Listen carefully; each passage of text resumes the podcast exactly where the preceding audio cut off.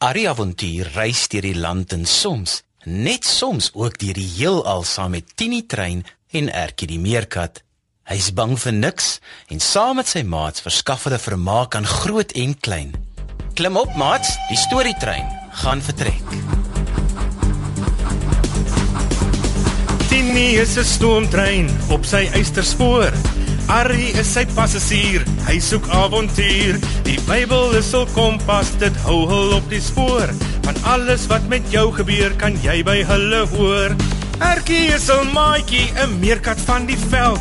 Karosie is 'n stoute aap, hy doen gewone kwaad. Ertjie en Karosie en Arrie ook daarby is almal net so spesiaal, so spesiaal soos jy. Kom nou maat skuif nader, luister bietjie daar. Is dit dalk die Tini trein wat ek daar gewaar?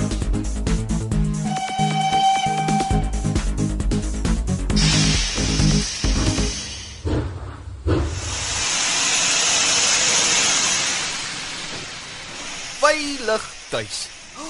Dankie, Arrie. Maar dis dan nog steeds donker soos toe ons saam in die ruimte was. Ek het gedink Tini gaan deur tyd reis en ons weer in die dag terugbring, Arrie. My sou kon, maar ek het gedink julle sal dalk bietjie om 'n kampvuur saam met my na die sterre wil kyk om net weer te sien hoe hulle van ver af lyk. Graaf, ek het solank die vuurtjie aan die gang gekry en die beddens is opgemaak in die slaaptrok. O, oh, dankie. Tog, ek het regtig nie kans gesien om daardie trop aapmaatjies vir my in die donker te gaan soek nie. Ek is bly ons kan vanaand weer in Tini trein slaap. Ek dink in elk geval ons maak 'n beter trop saam met Arrie, oom Koos en Tini trein as daardie stoute aapmaatjies van jou. Hulle is net 'n klomp moeilikheidmakers. Het jy al gedink wat jy gaan doen wanneer dit tyd is om jou eie trop te lei, Karosie? Ja, Arrie, maar ek weet nog steeds nie wat ek gaan doen nie. Ek wil nie met 'n ander aapmannetjie beklei om 'n trop oor te neem nie. Ek kan nie vir altyd saam met die trop bly nie. En ek kan nie teruggaan na my maale toe nie want sy het my klaar groot gemaak en ek moet nou vir myself sorg. En jy, Ertjie? Wanneer gaan jy met jou eie familie begin? Hm? Wat bedoel jy, Arrie? Ek is nog nie gereed daarvoor nie. Ek is nog 'n jong meerkat en ek het nog baie om te leer as avonturier. ja, ek en hom Koos en Tini het daaroor gesels. Hoe sal julle daarvan hou om vir 'n rukkie saam met ons op ons avonture en ontdekkingsreise te gaan? Oh. Ja, terwyl julle nog besluit wat julle eendag wil doen. Ja! Ja! nou goed dan, nou goed dan, nou maak ons so. Môre kan julle dinge met julle families, troppe en kolonies gaan reël en dan kan ons in die middag vertrek. Jippie! Ag, my maale sal nie te bekommerd wees nie. Ek sal net verduidelik dat ek die stoute aaptrop gaan los en by 'n beter trop aansluit vir 'n rukkie. Waar ek beter kan leer oor hoe om 'n goeie leier te wees. O, sy sal baie bly wees. Hm, sy hou nie van die trop waarna ek nou is nie. Maas en paas is maar so. Hulle wil graag weet dat jy veilig is en dat jy goeie maats het en dat dit goed gaan met jou. Al is God Jesus se pa, het hy ook vir Jesus 'n goeie mamma en pappa hier op aarde gegee. Maria en Josef. Maar was Jesus nie soos God nie? Hy het seker nie regtige aardse mamma en pappa nodig gehad behalwe vir toe hy heeltemal 'n baba was nie of hoe Arrie? Jesus is deel van God, Ertjie. Mm. Maar onthou, hier op aarde was Jesus ook mens. Hy moes soos 'n mens groot word en die dinge ervaar wat mense ervaar. So kon hy weet hoe hy met mense kon praat oor die dinge van God op 'n manier wat hulle kon verstaan. En eers was hy ook 'n seentjie vir wie Maria en Josef moes versorg en beskerm teen mense wat hom dalk skade sou wou doen. Soos daardie koning wat jy ons hom vertel het, wat die baba Jesus wou doodmaak, né Arrie? Net so. En dit was koning Herodes. Nou maar, hoekom wou 'n groot mens 'n baba doodmaak wat hy nie eens geken het nie? 'n Baba kon hom tog sekerlik nie seermaak nie. Ja, Herodes het 'n slegte donker hart gehad, Ertjie. En hy het gehoor dat Jesus familie is van koning Salomo en koning Dawid wat lank terug groot konings van Juda was. Hy was bang dat hy sy koningskap gaan verloor as gevolg van Jesus. Nou waarheen het hulle nou weer gevlug van Bethlehem af? Hulle het na Egipte toe gevlug. O, Ja, koning Herodes het al die baba seentjies in Bethlehem laat doodmaak. Kan jy glo? En gelukkig was Josef en Maria reeds weg saam met die baba Jesus. nee, dis verskriklik. O, ek is so bly Josef het na daardie engel in sy droom geluister. Het hulle toe heeltyd verder in Egipte gebly? Toe dit gelyk het asof Herodes tevrede was dat Jesus doodgemaak het en hy ophou soek het na babas wat moontlik Jesus kon wees, het Josef en Maria met Jesus teruggegaan Nasaret toe. Mm, was hulle toe veilig, Harry? Ja, Ertjie. Hulle het veilig in Nasaret gewoon soos 'n gewone gesin. Jesus het skool gegaan en vir Josef in sy werkswinkel gehelp. Josef was 'n skrynwerker. Ooh, hy het dinge van hout gemaak.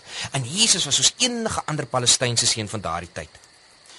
Ari, as Jesus soos ander seuns was, was was hy soms dan ook stout? ek het gewag vir daardie vraag. Jong, ek weet nie Karolsie.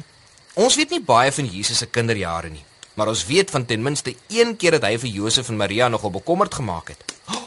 Wat het hy gedoen, Ari? Toe Jesus 12 was, het hy saam met Josef en Maria Jerusalem toe gegaan vir die Pasgafees. Mm, wat 'n fees was dit, Harry? Ons het net Paasfees en Kersfees. Nou dit was 'n fees om hulle vryheid te vier, Ertjie. Dit was in die tyd dat die Jode uit Egipte getrek het. En het hulle ook gevier hoe God al die Hebreëse kindertjies beskerm het die nag voor hulle weggegaan het uit Egipte. Net so. Jy onthou mooi, né?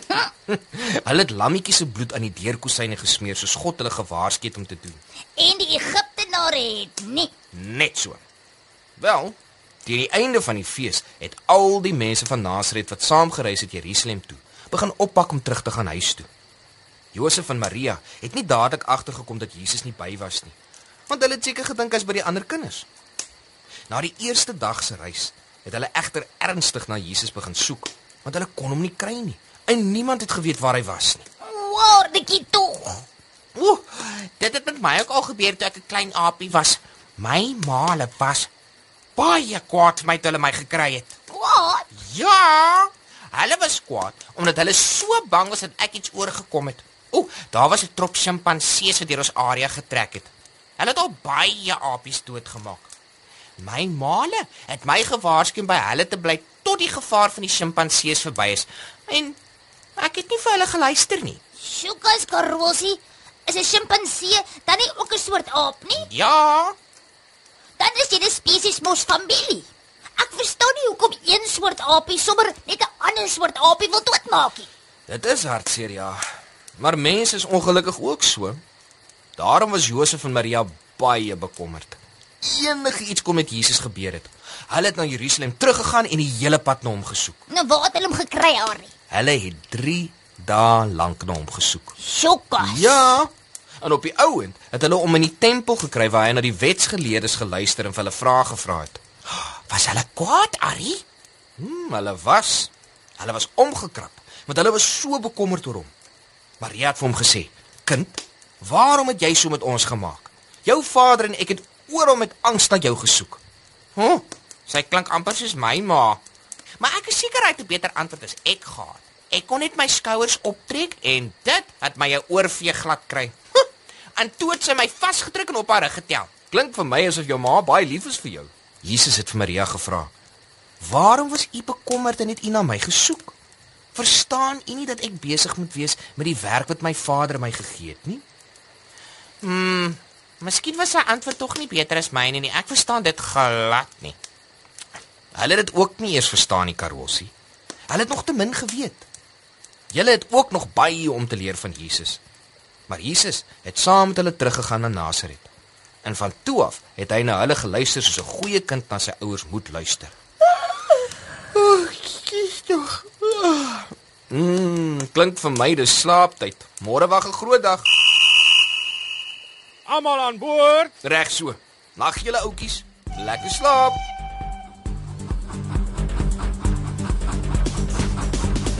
Tini is 'n stoomtrein op sy eysterspoor.